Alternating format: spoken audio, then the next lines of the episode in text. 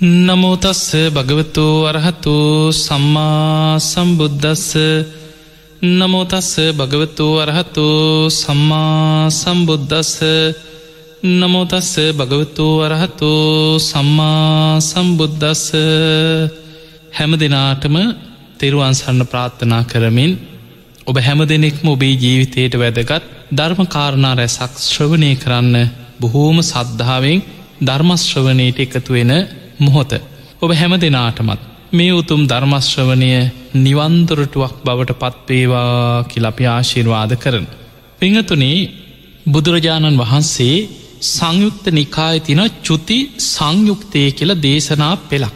මේ දේශන පෙළේම උපමා ආශ්‍රයේ මේ සත්‍යයම් මරණින් මතුව උපත කරායන ආකාර ගැන බුදුරජාණන් වහන්සේ පෙන්න්නනවා. මනුස්ස චුති කියන සූත්‍රයේ බුදුරජාණන් වහන්සේ නිය සීලට පස්්ටිකක් අරගෙන භික්‍ෂූන් වහන්සේලාට පෙනෙනවා මහනෙන මේ මහපොළොවේ තියෙන පසුත් තතාගතයන් වහන්සේගේ නිය සිල මත තියෙන පසුත් අතර වෙනස් දකිනවද. එහෙමයි ස්වාමීණි. බුදුරජාණන් වහන්සේ වදාළ මහනෙනේ මේ සත්ත ලෝකවල ජීවත්වෙන සතර අපාය ගත සත්‍යයන් අතරින් මේ මහපොළොවේ පස්තරම් පිරිසක් මරණින් මත්තය ආයායමත් සතරාපායමයිකිව උපදින්. බුදුරජාණන් වහන්සේ නියසිලට පස්්ටිකක් කරගෙන පෙන්නවා ආයමත් ඒ අතරින් මනුස්ස ජීවිතයක් ලබන්නේ මෙන්න මෙච්චරයි කිය. ඊළඟට ඒවගේ බුදුරජාණන් වහන්සේ පෙන්වා මනුස්ස ජීවිත ගත කරන අයගෙන් මැරෙන මැරෙන අයගෙන් මහපොළොවෙ පස්තරම් පිරිසා සතරාපායට වැටෙනකොට ඒ අතරිනුත් මනුස්ස ජීවිතයකට එන්නේ මේ නිය සිලේ තියෙන පස් වගේ ඉතාම සුළු පිරිසයි කිය. එහෙමනං අපිට මේ උපමාවෙන් පේනවා මනුස්ස ජීවිත ගත කරලා මිය යන අයගෙන් අපි අදගත්තොත් කෝටි හත්සීයකට වඩා මනුස්්‍යයම් මනුස්සලෝක ජීවත්වෙනවා. මේ අය අතරින් වැඩිම පිරිසක් බුදුරජාණන් වහසේ පෙන්වේ මහපොළොයි පස්තරම් පිරිසක් වැටෙන්නේ සතරාපායට. කලාතුරකින් පින්කරගත්ත කුසල් වඩාගත්ත ගුණධර්මපුරාගත්ත කෙනෙ. ඒ පිනත් මරණ මංචකේ මතු කරගන්න ඕන් දැන් අපි දන්න සමහරය පින් කරනවා කියලා හිතන්න දන් දෙනවා සිල් රකිනවා පින් කරනවා හැබැයි බොහෝ දෙනෙකුට මරණ මංචකේ කරපු පිනවත් සිහි කරගන්න පුළුවන්කමක් නෑ. බොහෝ දෙනෙකුට ඒ පිනේ හිත පිහිටව ගන්න පුළුවන්කමක් නෑ. මරණාසන්න මොහොත්තෙ මොකාක් හෝ කරුමය. එක්කො ළඟඉන්න කෙනෙක් නිසා හරි කේන්තියනවා තරහක් යනවා වෛරයක් පදිනවා ඒ වගේ එක් ආසාාව දරුවෝ ඉඩකඩන් දේපල මේ තන්හාවත් එක්ක හිත ඇදිලා යන්නේ සුගතියකට නෙමේ. ඒ නිසා පින්කරගත්ත අය අතරින් පවා සුගතියකට යනවා කියන්නේ ඒකත් ලේසි සෙල්ලමක් නෙමේ.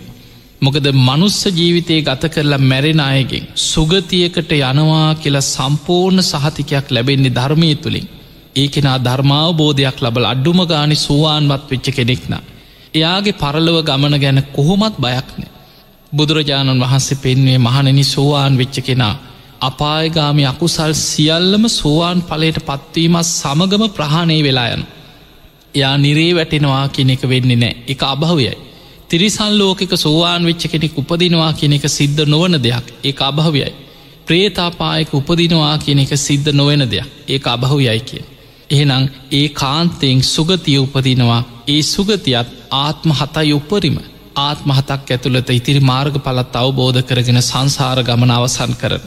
මේ සෝවාන් වෙච්ච කෙනා ගැන තමයි මේ ධර්මය තුළ ආරක්ෂාව සම්පූර්ණයම තමන්ගේ ජීවිතයට ලැබුණ කියලා ධර්මය බුදුරජාණන් වහන්සේ පෙන්න්න.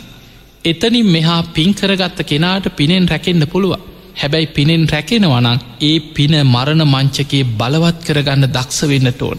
එක තමන්ගේ දක්ෂතාවේ මොකද අපිට පේනවා මේ සමාජය තුළ බොහෝ පින්කරගත් අය මරණ මංචකයේ අකුසලයක් බලවත් වෙලා ඒ අකුසලේ මත කොහේ හෝ දුගතියකට ඇදිලෑනු. ඔබ අහල ඇති මේ බුද්ධ ශාසනය විශාලම පින්කම අසද්දුෂ්‍ය මහා පින්කම.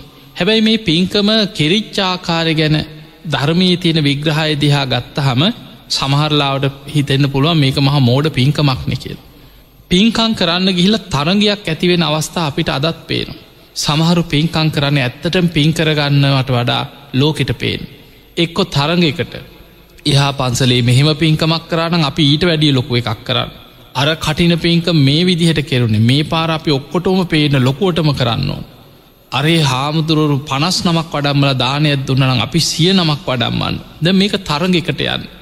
ඒ වගේ කොසොල් රජ්ජුරු කොසොල් රජ්ජුරෝ කැනෙ සූවාන් වෙලාවත් එහෙම ධර්මාවබෝධයක් තුළ ලොකු නුවනක් තුළ කටයුතු කරපු රජෙක් නෙමේ බුදුරජාණන් වහන්සේ වැඩ සිටිද්දී කොසොල් රජ්ජුරූ නිතර බුදුරජාණන් වහන්සේ මුණ ගැහෙන්නාව හැබැයි බුදුරජාණන් වහන්සේ රජ්ජුරුවන්ටම දේශන කරපු දේශනා ගොඩක් කෝසල සංයුක්තය කියල ධර්මය සඳහන්වෙන් නමුත් මේ රජ්ජුරුවන්ට බුදුරජාණන් වහන්සේ ජියවමානව වැඩ සිටිද්දී අඩුම ගානෙ මාර්ග පලයකට සෝවාන් පලයකටවත් එන්න බැරිවුණ මේ කොසොල් රජ්ජුරුවෝ දවසක් බුද්ධ ප්‍රමුඛ සංඝයා වඩම්මල මාලිගාව බොහෝම ලස්සන දානමේ පින්කමක් කරන. ඒ දානමේ පින්කම කළ රජ්ජුරුව හිතුව මගේ දානට ආයි කාටවත් බෑ මෙහෙම නන්දානයක් දෙන්න මම තමයි ලොකුම දානි දුන්න කියලා මේකින් උදං අනමින් හිටිය. ඔය අතරේ නගරවාසී බොහෝම සද්ධාවන්ත නගරවාසී පිරිසක් හොඳට සංවිධානය වෙලා බුද්ධ ප්‍රමුඛ සංඝයාට ආරාධනයක් කරලා එන පාරේ පවා සුදු ඇලි අතුරලා කොඩිසේසත් නංවල බොහෝම ලස්සනට සරසල මණ්ඩප හදල බොහොම ලස්සන දානයක් දුන්න. දැම් මේ දානි ගැන නගරේ හැම තැන අන්න දානේ අන්න පින්කං රජ්ජුරුවන්ගේ පින්කම් මොකක්ද මේක රජ්ජුරුවන්ගේ කනටත් වැටුන්. ඊට පස්සේ රජ්ජුරුවන්ට හිතුනා මේ නගරවාසීන්ට මං පැරදුනානේ දෙන්නන් දානයක් කියලා දැන් තවත්දානයක් සූදානන් කර. දැම් මේ දානෙදී ඔළුවේ තියෙන්නේ පින්කරගන්නවත් දානයක් දෙන අදහස නෙමේ නගරවාසීන්ට පාඩමක්කු ගන්න. කාටවත් කරන්න බැරි මගේ දානි තමයි ලොකුම දානි කියල පෙන්න්න. දැන් දානයක් දුන්න ඊට වඩා ලස්සන විදිිය රජ්ජුරුවන්ට සල්ලි තියෙනවා රාජ බාණ්ඩාගාර තියන මිනිස්සුන්ගේ බදු ගහල එකතු කරගත් සල්ලිටික තියෙනවා ඉතින් මේවැන් රජ්ජුරුව මොකද කරේ විශාල දානමේ පින්කමක් කර. දැම් මේ දානමේ පින්කමෙන් පස්සෙ ටික දවසක් යනකොට නගරවාසී පිරිසමොකද කරේ තවත් ලස්සන පින්කම සැලසුම් කරලා. වෙනද කරාටත් වඩා. රජ්ජුරුව දන් දුන්නටත් වැඩිය. ලස්සන්ට නගරි සැරසුව. එහෙම සරසලා බොහෝම ගෞරෝයි බුද්ධ ප්‍රමුඛ මහා සංඝයා වඩම්මගෙන ඇවිල්ල ආසන පනවල ප්‍රනීත විදිහට ලස්සනට දානමේ පින්කම සැලසුම් කළ පිළිවලකට කර. බොහොම ගෞරවෙන් ඒ දානය දුන්න. නගරවාසින් කියන්න ගත්තා රජ්ජුරුවන්ගේ දානෙමොකක්ද අන්න දානය අන්න පින්කම. මේ පින්කම නං හොඳටම කෙරුණ. දැන් කවුරු හරි පිනක් කරා කියලා දැනගත්තට පස්සේ පිනට කැමතිකෙන අනේ සාදු කියලෙ අනුමෝදං වෙන්න එපෑ. ඒකට සතුටු වෙන්න එපෑ. රජ්ජුරුවන්ට කේන්තියක් ආවේ. මගේ රාජ්‍ය මට වඩා දන් දෙන්න එවුන් ඉන්නවද? දැන් කේන්තියක්කාව දැන් කේන්තියෙන් රජ්ජුරුව මාලිකාවේ හාට යනවා මෙහාට යනවා ඕහොම කේන්තියෙන් ඉන්නකොට රජ්ජුරුවන්ගේ දේවිය බොහෝ වෙලාවට රජ්ජුරුව වැරදි අදහසකට ආපු ගමන් තුනුරුවන් ගැන රජ්ජුරුවන්ග නිවරදි කරේ මල්ලිකාදේවී. මල්ලිකා දේවී ඇවිල්ල කිව රජතුමනේ රජතුමා බයිවෙන්ඩ එපා රජතුමා දුක්වෙන්නත් එපා. රජ්ජුරුව තමයි මේ රාජ්‍ය පාලකය. ඔය නගරවාසීන් ඔය එකතු වෙලා බොහෝම ලස්සනට පින්කමක් කරාට අපිට ඔය වගේ සියගුණයකින් දහස්ගුණයකින් හොඳ සංවිධානයක් කරලා ලස්සන පින්කමක් කරන්න පුළුවන් කාටවත් නොදැවිනි විදියට. රජතුමනි මම ලෑස්ති කරන්නකි. දැන් මේ දානේ සම්පූර්ණයම වගකින් භාරගත්ත මල්ලිකාදේවි. මල්ලිකාදේවිය දැන් සැලසුම් කළ රජ්ජුරුවෝයි අමාත්‍යවරු පුරෝහිතවරු මේ ඔක්කොම එක්ක සාකච්ඡා කරලා නගරවාසීන්ට හිතන්නවත් පැරි දානමේ පින්කමක් ලෑස්ති කර. ඒ දානමේ පින්කමේති බංග ගැන දේශනාවල සඳහන් වෙනවා රජ්ජුරුවන්ගේ ඇත්ගාල හිටියකින ඇත්තු පන්සීය. මේ ඇත්තු පන්සීයම ලස්සනට සරසලා සර්වාභරණය සරසල හොඳ වැලට මල් මිටිය ගානි දුන්න. ඒ විදිහට බුද්ධ ප්‍රමුඛ සංඝයා එනකොට ඇත්තු තමයි මල් තියල පිළිගත්. ඊළඟට බුදුරජාණන් වහන්සේ ඇතුළු සඟ පිරිස වාඩි වුණාට පස්සේ මේ ඇතා මුතුකුඩයක් හොඳ වැලෙන් අල්ලගෙන ඉන්නවා දානවනදල අවසන් වෙනකම්. එතකොට මේ අතර රජ්ජුරුවන්ගේ අන්තපුරේ හිටියා බිසෝවරු බොහෝම ලස්සන කාන්තාව තරුණ කාන්තාව පන්සීයක් ඉතර හිටිය. ඒ අයවට ලස්සනට සරසලා ආභරණවලින් සරසල සුවඳ ගල්වලා ඒ ඒ දානිවලදන රහතන් වහන්සේලාට ඉදිරියෙන් වැඳගෙන බොහොම ගෞරවාන්විතව ඒ අයව ඉදිරියෙන් වාඩි කෙරෙවා සුවඳ ගහන්නේ පරිසරය. එදකොට මේ වගේ අංග ගොඩාක් ගැන දේශනාව තියෙන. දැම් මේවා ගැන දැක්කාම ඉතන්න පුළ මේ මේ මොන පින්කන්ද ඕ ඔය දාන දව සෝබනනෙ ඇත්තට මේ දානය දුන්නේ නගරවාසින් පරද්දන් කාටවත් කරන්න මොකද රජ්ජුරෝ හිතුවා මිනිස්සු ළඟ ඇත්තු නෑ රජ්ජුරුවන්ට විතර ඇත්තු පන්සියක ඇත්සේ නාංකයක් හිටිය. ඒ නිසා දැන් රජ්ජුරුවන්ගේ දානම පින්කම පරද්දන්න පුළුවන්කමක් නෑ කාටව.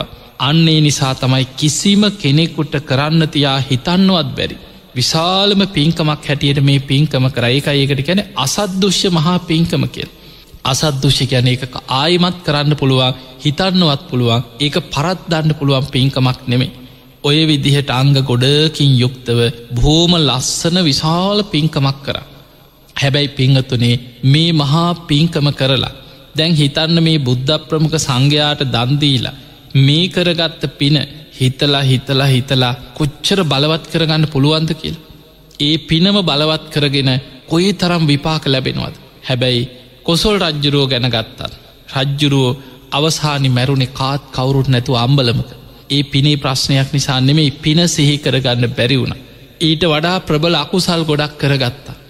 ඒ අකුසල විපාකෙන් කාත් කවුරුත් නැතු අම්බලමක මැරිලගයා තමන්ගේ රාජ්‍ය පුතා අයිති කරගන්න එනවා කියන බයේ පලාගෙහි ලම්බල මේදා රාත්‍රී පණගිය. මල්ලිකාදේවිය ගත්තොත් මුළු පින්කමම සැලසුම් කරේ මල්ලිකාදේවි. මල්ලිකාදේවියට දුරුවලතාවයක් තිබ්බා තමන්කරපු අකුසලේම හිතහිත ඉන්න හැමවෙලේ. ඒ දුරුවලතා වර්තමානෙත් බොහෝ දෙනෙක් තුළ තියෙනවා. කොච්චර පින්කරත් පින නෙමේ හිතන්නේ අයෝ මං මේ වගේ වැරද්දක් කරා. මගේ අතින් මේ වගේ වැරද්දක් වුණානේ ඔය පිනකරාට ඊට වැඩිය ලොකු අකුසලයක් මං කරගෙන තියෙනවන්. ඔය විදිහට අකුසල් හිතල හිතල අකුසල එල්ලෙනයි බොහෝ පිරිසක් ඉන්න. අන්නේ වගේ මල්ලිකාදේවියගේ ජීවිතය වෙච්ච වැරද්දක්. වෙච්ච අකුසලයක් ගැන පසු තැවි තැවී පසු තැවි තැවී හිටිය ඕකම හිතට ගලනු. ඒකම හිතන. හදිසියේ මැදි වයසෙදි රෝගාතුර වෙලා මරණාසන්න වුණ. මුළු බුද්ධ ශාසනයම විශාල්ම පින්කම. අසද්දුෂ මහා පින්කම කරපු මල්ලිකාදේවියට ඒ පින සිහි කරලා හිත පහදවා ගත්තෙන හයෝ මං මේ වගේ අකුසලයක් කරගත්තා කියලා අකුසලේ ගැන හිත හිත පණගියා කරපු කුසලේ යටපත් වනා අකුසලේ බලවත් වුණ. දින හතක් හරි දුගතියකට වැටුණ කිය. ගොඩක් පින බලවත් සද්ධාව තියෙනවා. ඒ නිසා දවස් හතකින් චුත වෙලායි සුගතිය දිවිය ලෝක උපදිනවා. නමුත් ආසන්න කර්ම කියන්නේ මරණාසන්න මොහොත්තේ කුසල් මැඩලගෙන අකුසල් බලවත්වෙන්න පුළුවන්.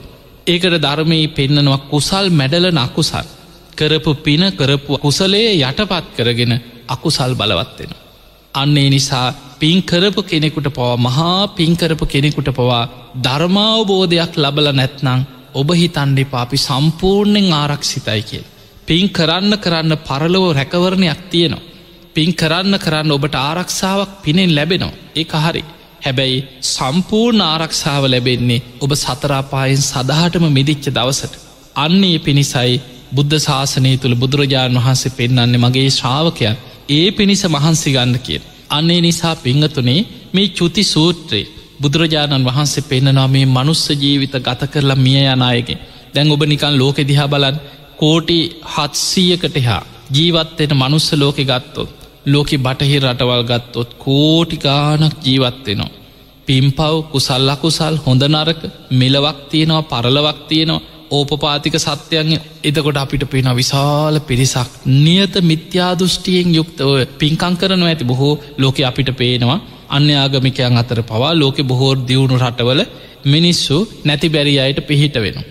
සමහර වකුග රෝගීන් වෙනුවෙන් වෙන්න පුළුවන් හදවත් රෝගීන් වෙන්න පුළුවන් සමහර ළමා සංවිධාන තියෙනවා. ඊළඟට තමන් හම්බ කරන ආදායමෙන් කොටසක් වෙනම චැරිටි පිහිටවාගෙන ඊළඟට වෙනම සමාජ සේවා ආයතන පිහිටවාගෙන මිනිස්සු ලෝකයේ වැනි යහපත් පින්කං කරන එක පින තියෙනවා. හැබැයි ඒ පින එක්ක ඒ පින් කරන්නේ සමහරලාවට මේ කාටහරි උදව්වක් කරන්න ඕන කියෙන අදහස මිසක් පින් පව් ගැන විශ්වාසයන්නේ මේක මට පරල්ලව විපාකයක් ලැබෙන වටිනා දෙයක් මේක පිනක් කියල විශ්වාසයක් නෑ බොහෝ දෙනෙකුට. ඊළඟට ඔබ හිතන්න මැද පෙරදික රටුව ලෝකෙ කෝටි ගානක් අන්තාසරණයි. සම්මාධිත්‍යය පැත්තෙන් ගත්තො කතා කරන්න දෙයක්න. අප්‍රිකානු රටවල් ගැන හිතන් කොච්චර ජනතාවක් ඉන්නවද මිහිපිට මෙලවත් නෑ ඔවුට. මෙලව සැපයත්නෑ පරලොව සැපේතිය. ඔබ දැකල ඇති අප්‍රිකානු රටවල බොහෝ පිරිසක් ඉන්න ඇට සැකිලි වගේ දරු. සමහ රටවල් ගත්තු රටෙන් භාගයක් ඒට්ස්වලින් මිය යනු. ඊළඟට අවුරුදු හතලිස් පහ පණහ වෙනකොට මිනිස්සු අයසට ගිහිල් ආයු අපේක්ෂාව හොඳට මාඩුයි ලෙඩරෝග වැඩි එතකොට ඒ ඒ රටවල් ගත්තොත් මෙහිපිට අපායවල් වගේ ඒ මනුස්ස ජීවිත තිබුණට. දැන් ඔයි ලෝකෙ අනෙක් රටවල් ඔක්කොම පැත්තක තියල බෞද්ධ නමින් ඉන්න රටවල් ටිකක් ගැන හිතන් ජපානි ටිබෙටය ලාවෝසි කාම්බෝජි කොරියාව චීනය මේ වගේ රටවල් බෞද්ධ රටවල් හැබැයි ඒ අය මහායාන බෞද්ධ. ඔවුම් බුදු පිළිමවලට වඳීනවා පිනක් කරනවා තමයි ඔුම් බුදු පිළිමවලට වඳීනවා සාදු කියනවා පෙරලෙන ඔබ දැකල ඇති බුද්ධගයා වගේ තැංගොල පුදුමාකාර කැපකිරීමක් එක්ක බුදුරජාණන් වහන්සේට වදින ඔවුන්ට පිනක් රැස්සෙනවා. හැබැයි මේ චතුරාරි සත්‍ය සෝවාන්වීම මාර්ගඵලයක් ලබන්න ඕන කියෙන හැඟීම ඔවුන් තුළනෑ ඔවුන් පාරමී පුරාගෙන හැමෝම බුද්ධත්වයට පාරමී පුරනවා කියෙන අදහසෙන් පින් දහම් කරගෙන ඔවුන් ඉන්න. එදකොට මේ අතර බලන්න ලෝකයේ යම් කිසි කෙනෙකුට සම්මාධිට්්‍යය පිහිටනවා කියන්නේ හරියට බුදුරජාණන් වහස පෙන්වෙන් නියසිලට පස්්ටිකක් ගත්ත වගේ. අර කෝටි හත්සීයෙන් ඔබ හිතන්න කීයෙන් කී දෙනාටද හරියට ධර්මය ගැන සද්ධාවක් හිතේ ඇතිවෙන්. හරියට පන්සිල් රකින පෝයිට උපෝසතයක් රකිනයි කියෙන් කී දෙනාද මේ ලෝකෙ තුළ ඉන්නේ. ඊළඟට දහම් දැනුම බුදුරජාණන් වහන්සේ වදාළ ධර්මයට ගරු කරන ධර්මය ඉගෙන ගන් සුතවත් භාව ඇති කියෙන් කීදනාද ලෝකයින් ත්‍යාග සම්පත්ති පින් පව් ගැන විශ්වාසෙන් තන් දෙෙන් ඉතාහම සුළු පිරිසයි. ප්‍රඥාව දියුණු කරන මේ ධර්මය අවබෝධ කරගන්න ඕනෑ කියෙන අදහසින් නුවන මෙහේ වන ප්‍රඥා වඩන ඉතාම සුළු පිරිසයි ලෝකයින්. ඒ නිසා සද්දා සීල සුතතියාග ප්‍රඥා වඩන පිරිස ඉතාම අඩුයි. බුදුරජාණන් වහන්ස පෙන්වේ මහපොළොවේ පස් වගේ මනුස්ස ජීවිත ගත කරත් මැරෙනයගේ වැඩි පිරිසක් පහලට වැටෙන්නේ අපායිවල්ලොට වැටෙනවා. මනුස්ස ජීවිත ගත කරලා මේ යන අයගෙන් සුගතියකට එන්නේ මෙන්න මේ වගේ ටික දෙනයි කියලා නියසිලට පස්්ටිකක් කරගෙන පෙන්නවා. මේක තියෙන චුති සංයුක්තය නකසිකා සූට්‍රී කියලා මේක සඳහන් වෙන. ඊළඟට බුදුරජාණන් වහන්සේ තවත් පැත්තක් පෙන්න්නනවා. දිවිය චුති කියන සූට්‍රී. දිවිය ලෝකවල දෙවිවරු ඒ ඒ දෙව්ලොවින් චුත වනාට පස්සේ මොකද වෙන්නේ කියලා මේක සඳහන් වෙන. පිංහතුනී ධර්මය සඳහන් වෙනවා දෙවියන් චුත වෙන ක්‍රම තුනක් ගැන. එකක් තමයි දෙවිවරු දිවිය ලෝකෙ පහළ වනාට පස්සේ. ඒ දිවි ආවිෂ සම්පූර්ණයෙන් ගෙවල දිවියලෝකවලින් චුත වෙනයින්. සම්පූර්ණ ඒ ඒ දිවියලෝකවල තියෙන දිවි ආවිෂ වින්දනය කරලා දෙව්ලොවෙන් චුත වෙන. ඒකක්. ඊළඟට මනෝ පදෝසිකා කියල ධර්මය සඳහන් වෙනවා කෙලෙස් බලවත් වෙලා. හිතේ ඉරිසියා වෛරයේ ක්‍රෝධය බයි තැති ගැනීම මේ ක්ලේෂයන් බලවත් වෙලා දිවි ආත්මෙන් චුත වෙලා යනයින්. ඒකක්. ඊළඟ එක තමයි දිවි ආහාර නොගෙන පංච කාමයන්ගේ ඇලේ ගැලී වාසය කරනවා දෙවියන්ටත් දවසකට සෑහෙන්න දිවි ආහාරයක් අවශ්‍යයි කියෙන්. පිංහතුනේ දෙවියන්ගේ ආහාරය තමයි සුදහ භෝජනය. දෙවියන්ට දවසකට සෑහෙන්න දිවි ආහාරයක් අවශ්‍ය වෙන. සමහර දෙවිවරුන්ට දිවිය සැප සම්පත් නිසා ඒවට මුසපත් වනාට පස්සේ ආහාරත් අමතකයි කිය. කන්න බොන්නවත් මතකනෑ. නන්දන වනේට යනවා විනෝද වෙනවා සතුටු වෙනවා දෙවියන් දිව්‍යාංගනාවන්න එක්ක පංච කාමයන්ගේ මැලී ගැලීන්න. ඒ තුළ සමහර දෙවිවරු ආහාර නොගෙන ක්‍රීඩාවේ විනෝදේ සතුටේ මැලී වාසය කිරීම තුළ දිව්‍යාත්මෙන් චුත වෙලා එහෙම පහලට වැටෙනවා කියල බුදු හාන්දුරු පෙන්න්නන. ඒක ක්‍රමය. ඊළඟට මනෝ පදෝසික ඔය ක්‍රම තුනේ ආහාර නොගෙනීම තුළ චුත වෙනවා. ඊළඟට හිතා පිරිසිදුවීම තුළ කෙලෙස් බලවත්වීම තුළ එකැන එක එක්කෙනගේ දැම් බලන්න ඔබ දජග සූත්‍රය හල ඇති. සක්‍ර දෙවියන් අසුරයන් එක්ක යුද්ධයට යන්න සූදානන් වෙන දිවිය පිරිසට කියනවා යුද පෙරමුණේ බයංවා චම්බිතත්තංවා ලෝමහන්සෝවා. නුඹලාට බයක් තැති ගැනීමක් ලොමු ඩැහැ ගැනීමක් ඇති වුණොත්. ඉක්මනට යුද පෙරමුණේ ඉදිරියෙන් ඉන්න නායක සෙම්පති දේවතාවරු දිහා බලන් ඒ අයගේ දජ දිහා බලන් සක්‍ර දෙවියන් ඉදිරියේ ඉන්නවා නේද කියලයි දජේ දිහා බල්ල බයි නැති කරගන්න. වරුණ දෙවියන් ඊසාන දෙවියන් ප්‍රජාපතිී දෙවියන් නායක සෙම්පති දේවතාවරු අපිත් එක්ක ඉන්නවා අපි අයි බයවෙන්න කියලා හිත හදාගන්න. ඒකට හේතුව බයක් තැති ගැනීමක් බලවත් වෙච්ච ගමන් දිවි ආත්මෙන් චුත වෙන. ඊළඟට රාගය බලවත් සමහරුන්ට දවේශේ දෙවියන් දෙවියන් අතරත් ගැටුම් ඇති නො යුද්ධ කරන්න මෛත්‍රියෙන් නෙමේ. ඒ ඒ දෙවිවරු අතරත් කෙලෙස් සහිතයි. පංචකාමයන්ගෙන් යුක්තයි. ඒ නිසා කෙලෙස් බලවත් වෙලා දිව්‍යාත්මෙන් චුත වුනොත් කෙලින්ම වැටෙන අපායිට අයි මනුසලෝකෙන් බේරෙනවත් බොරු කෙලින්ම වැටෙන අපායිට මොකද හිත අපිරි සිදුවෙලා බය තැති ගැනීම රාගේ දවේශී බලවත් වෙලා දිව්‍යාත්මෙන් චුත වනොත් කෙලින්ම අපායට වැටින්. ඊළඟට බුදුරජාණන් වහන්සේ පෙන්වේ දෙවියන් ආවිෂ ගෙවල සම්පූර්ණ ආවිෂ විඳල චුතවෙන. අන්න එහෙම චුත වෙනකොට දින ගානකට පෙර මනුස්සලෝකෙන් දින හතකට වගේ පෙර ඒ දෙවිවරුන්ගේ ලකුණු පහළ වෙන්න පටන් ගන්න. චුත්තවෙන්න ආසන්න ලකුණු. ඒව ඒක සඳහන් වෙන පුබ්බ නිමිත්ත කෙන සූත්‍රය. ඒ තමයි මල්මාලා පරවේගෙන යනු. දෙවියන්ගේ මල්මාලා පරවෙන්න පටන්ගන්න. ඒ ඇඳගෙන ඉන්න දිවිය සලු පිළි තමන්ගේ පිනට පහළවෙච්ච ඉර්දිමේ පුුණ්‍ය සලු පිළිතියෙන ඒවා කිලුටු වෙන. වෙනද වගේ නෙම ඒවා කිලුටුවේගෙන යනු. බලාගෙන ඉන්නදි දෙවියන්ගේ දිවිය ශරීරවල තිබ ප්‍රභාස්වර ආලෝක එන්න එන්න කිලිටි වෙලා ආලෝක අඩුවෙනවා. දෙවියන්ගේ ශරීරවලින් දහඩිය වැගිරෙන්න්න පටන්ගන්න ශරීර දුරුවරණ වෙනවා. විමානවල සිත්තලවන්නෑ කියන. අර දිවිය සැපසම්පත් විමාන ඒවයි පාවෙන.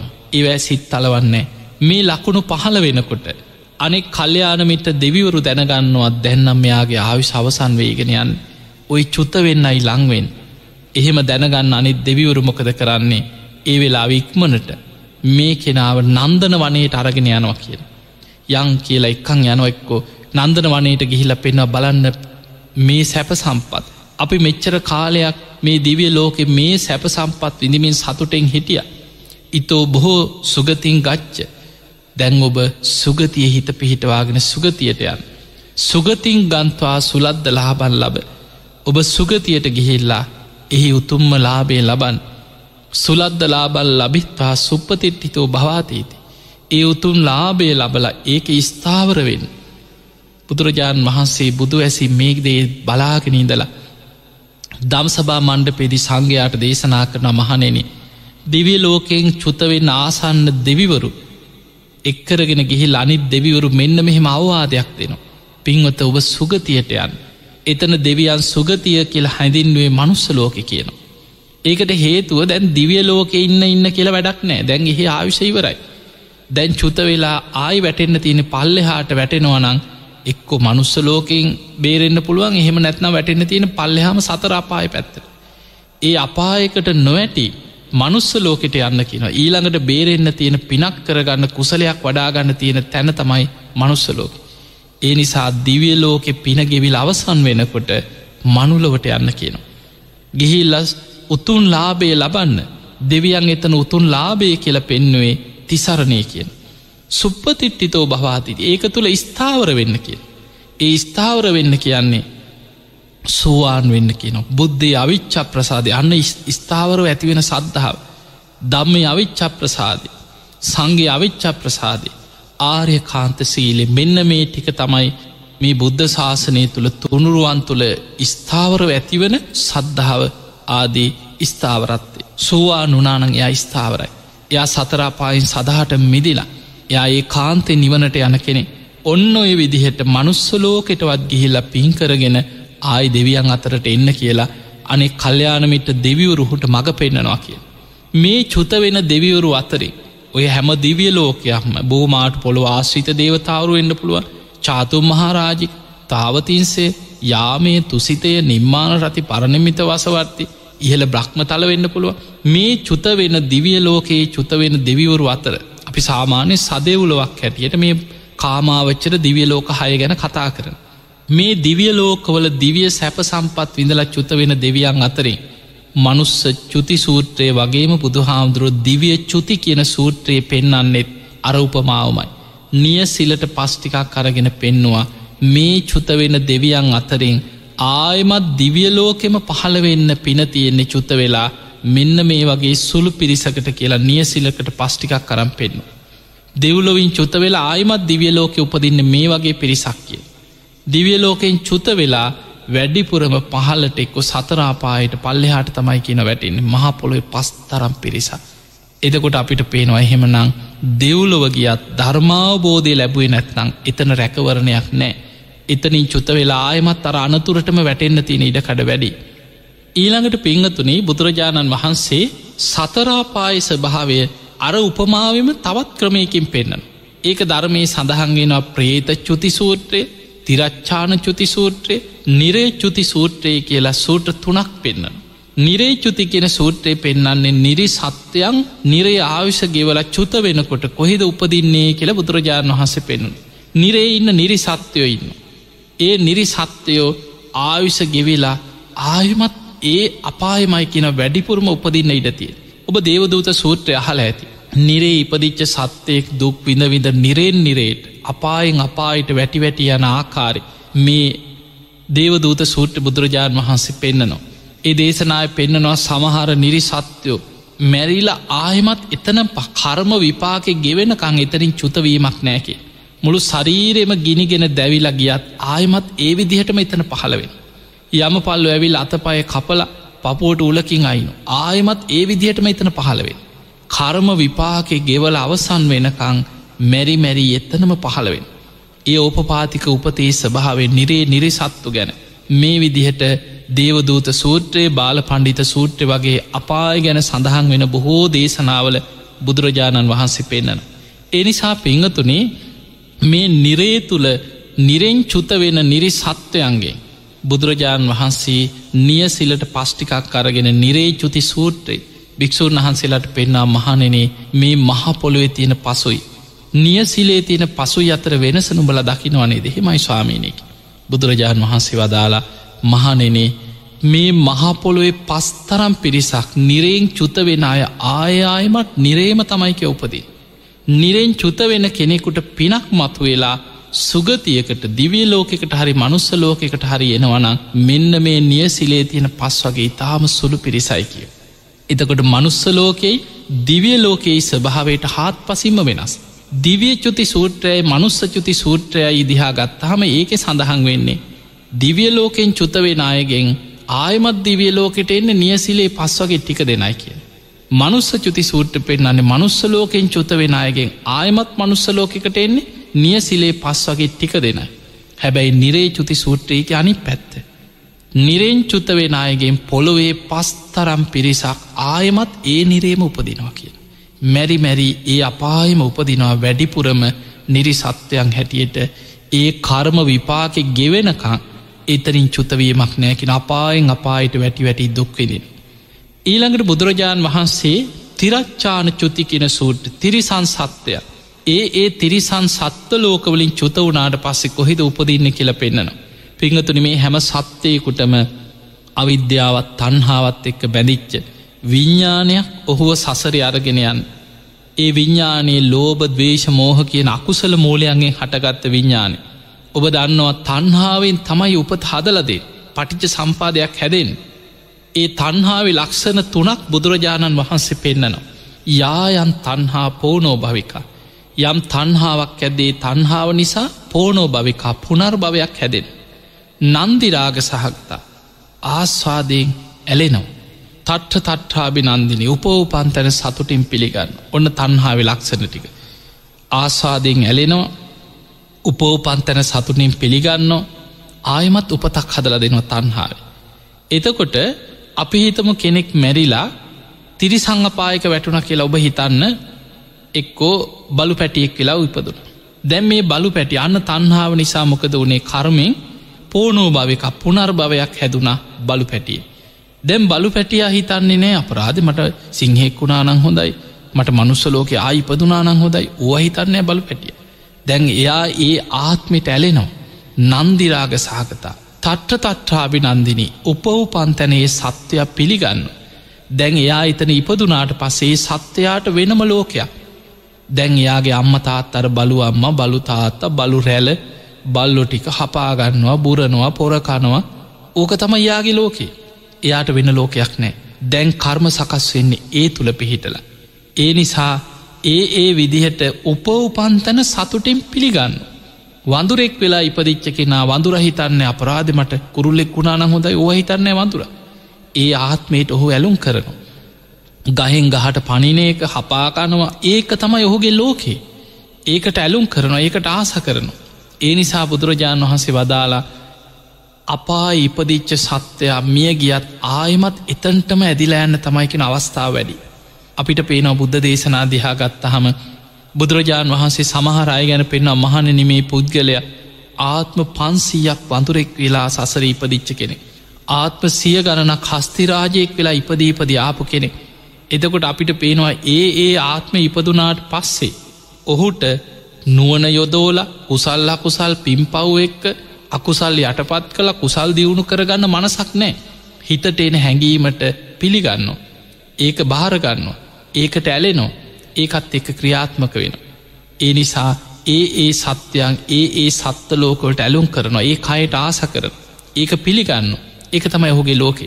ඒ නිසා එතනට මැදිලෑන බුදුරජාණන් වහන්සේ නිය සිලට පස්්ටිකක් කරගෙන පෙන්නවා මහනෙන මේ තිරිසංගත සත්වයන් අතරින් ආයමත් මැරිලා තිරිසල්ලෝකෙම උපදින පිරිස මහපොළොවේ පස්තරම්ම කියලා හිතාගන්නකි.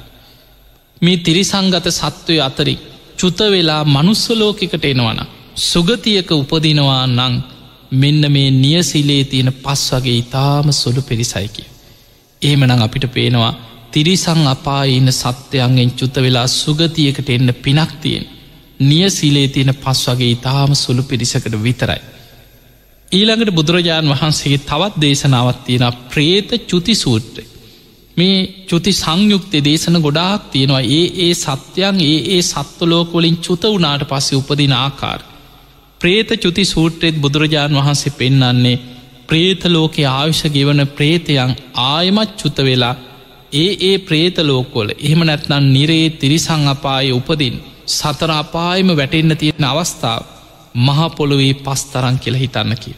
ප්‍රේතලෝකෙන් චුත වෙන ප්‍රේතයන්ගෙන් සුගතියකට දිවිය ලෝකෙකට හරි මනුස්ස ලෝකෙකට හරි ඇදිලයින්නේ. නිය සිලේ තියෙන පස් වගේ ඉතාම සුළු පිරිසයිකි. තියක හරි යනවා කැන ලේසි දෙයක් නෙමේ. ඒ පිණිස ඔබ ලොකු උත්සාහයක් වීරයක් අරගෙන පෙර මොකක් හෝ පිනකට ඔබට දැන් සුගතියක් ලැබුණ. මේ ලැබුණෙ පෙර පිනකට බුදුරජාණන් වහන්සේ පෙන්න්නන්නේ පුබ්බේච කතපුඥතා මේ පෙර පින් ඇති බව. පෙර සසරේ කරපු පිනක් දැන් මතු වෙලා විපාක දෙන මොහොත. මේ පින ගෙවිලා යන්න කලින් පුළුවන් තරම් පින් කරගන්න. කුසල් වඩාගන්න සිල්වත්තෙන් ගුණධර්ම පුරාගන්න.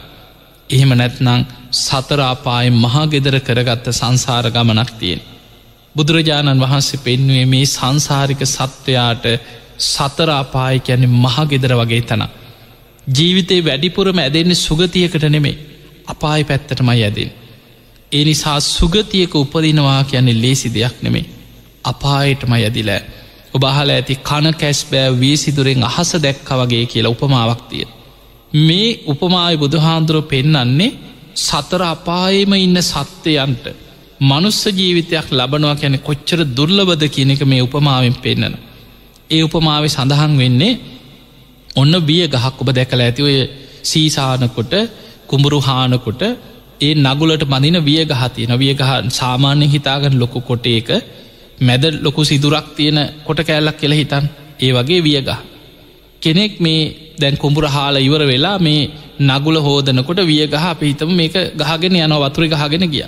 ගිහිල්ල ගඟකට වැටෙනවා ගගේ ගහගෙන ගිහිල්ල කොහොමරි මුහුදටම යනවා. දැම් මහා සාගරයේ මේ ලී කොටේ පාවි පාවි තියෙන අර විය ගහ පාවෙන. සිදුරක් තියෙන විය ගහ පාවි පාවි තියෙනවා. ඔය මහා සාගරයේ ඉන්නවා අවුරුදු සීයකට එක වතාවක්. සාගර පතුලෙන් උඩට ඇවිල්ලා. අහස දිහා බලල ආයි මොහොද ඇතුළට යන එක හැක් පමණක් පේන කැස්පෑවේ.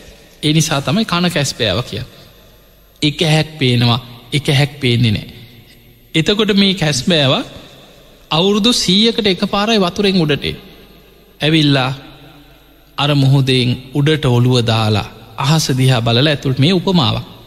බුදුරජාණන් වහන්සේ වදාළ මහනෙන අර මේසා විශාල මහා සාගරි. අර පාවි පාවි තියෙන වියගහත් ඔය සාගරයම පාවෙන්.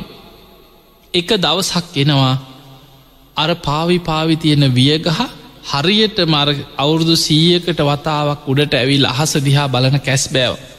වතුරෙන් උඩට එනකොටම හරියට මර වියගහේ සිදුරත් අර ඔළුවත් දෙක එකම තැනකට එකතු වෙලා හරියටම ඔළුව දානකොට ඉබේම වගේ විය ගහේ සිදුරස්සෙන් තමයි ඔළුව උඩට ඇවිල්ලා අහස දිහා බලත්. මේදේ සිද්ධ වෙනවා කියන එක වෙන්න පුළුවන්ද කියලා. දැන් වෙන්න පුළුවන් හැබැයි ඒක සම්භාවිතාව එහෙම දෙයක් වෙනවා කියන එක හිතාගන්නවත් බැරි දෙයක්.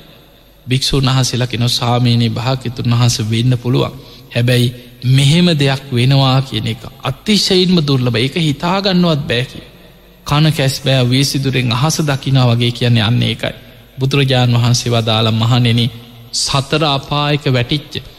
නිරේකට තිරිසල්ලෝකෙකට ප්‍රේතලෝකෙකට වැටිච්ච. සත්වේ ආයම සුගතියක උපදිනවා කියන්නෙත් ඔය වගේම අමාරුයි කියෝ ඔය වගේම දුර්ල බයිකව සුගතියකට එනවා කියන කාරණ එන්නේ නෑ කියන එක නෙමේ එනවා. හැබැයි දුර්ල බයි ඒ නිසා උපමාවකට බුදුරජාණන් වහන්සේ මේ උපමාවරගෙන් තමයි පැහැදිලි කරේ සතරා පාය වැටිච්ච කෙනෙක් මනුස්ස ජීවිතයක් ලබනවා කෙන කොච්චර දුර්ල බයි අන්නේ නිසා පිංහතුනි දැන් ලැබිච්ච මනුස්ස ජීවිතයේ වටිනාකම තේරුම්ගන්න දැන්ගේ දුර්ලභ මනුස්ස ජීවිතය ඔබට මට අපි හැමෝටම දුර්ලභ මනුස්ස ජීවිතයේ ලැබිලා. ඒ ලැබිච්ච අපි අතට ලැබිච්ච අවස්ථාව බිමදාගන්න නැතුව ඒ අතහැර ගන්න නැතුව. අතට ලැබිච්ච මනුස්ස ජීවිතයෙන් ප්‍රයෝජනයක් ගන්නේ නැතුව. හිතේ ස්භාවේ තමයි ඔබ මතකතියාගන්න අපි දීර්ඝ සංසාර ගමනි. කුසල සහගත සංසාර පුරුදුවෙක්කාපු ගමනක් නෙමේ රාගේට දවේශයට මෝහේට ඉරිසියාවට කුහකකංහොල්ට කෙලෙස්වොලට වහල්වෙවි ආපු ගමන.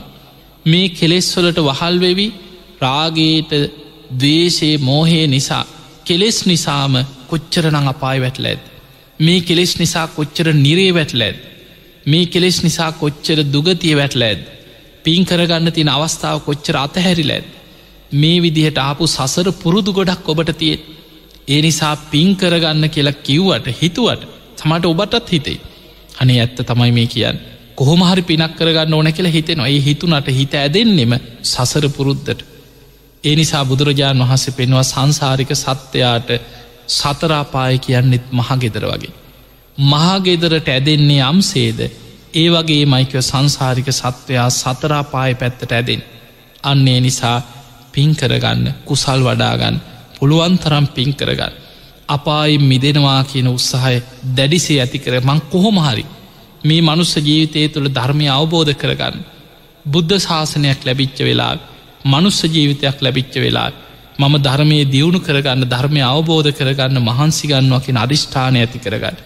මෙන්න මේ සංයුත්තනිකාය සඳහන් වෙන මනුස්සචුති දිවියස්චුති ප්‍රේතචුති තිරච්චානච්චුති නිරේචුති කෙන මේ සූට දේශන ඇසුරෙන් තමයි ඔබට මරණයත් එක්ක ඒ ඒ සත්වයන් සත්වලෝකවල ආයමත් උපදින ආකාරි උපත කරායන ආකාරි භයානක සංසාර ගමන ගැන මේ දේශනාවබට අද මේ ධර්මාණු ශාසනාවේදී අහන්නට ලැබුණ. ඉතින් එහෙම නක් පෙංගතුනේ ඔබ හැම දෙනාටම අප්‍රමාදීව සද්ධහාදී ගුණ ධර්ම දියුණු කරගෙන උතුම් වූ ධර්මයම අවබෝධ කරගන්න වාසනාව ලැබේවා ලැබේවා ලැබේවා කියලපි ඔබට ආශිර්වාද කරනවා.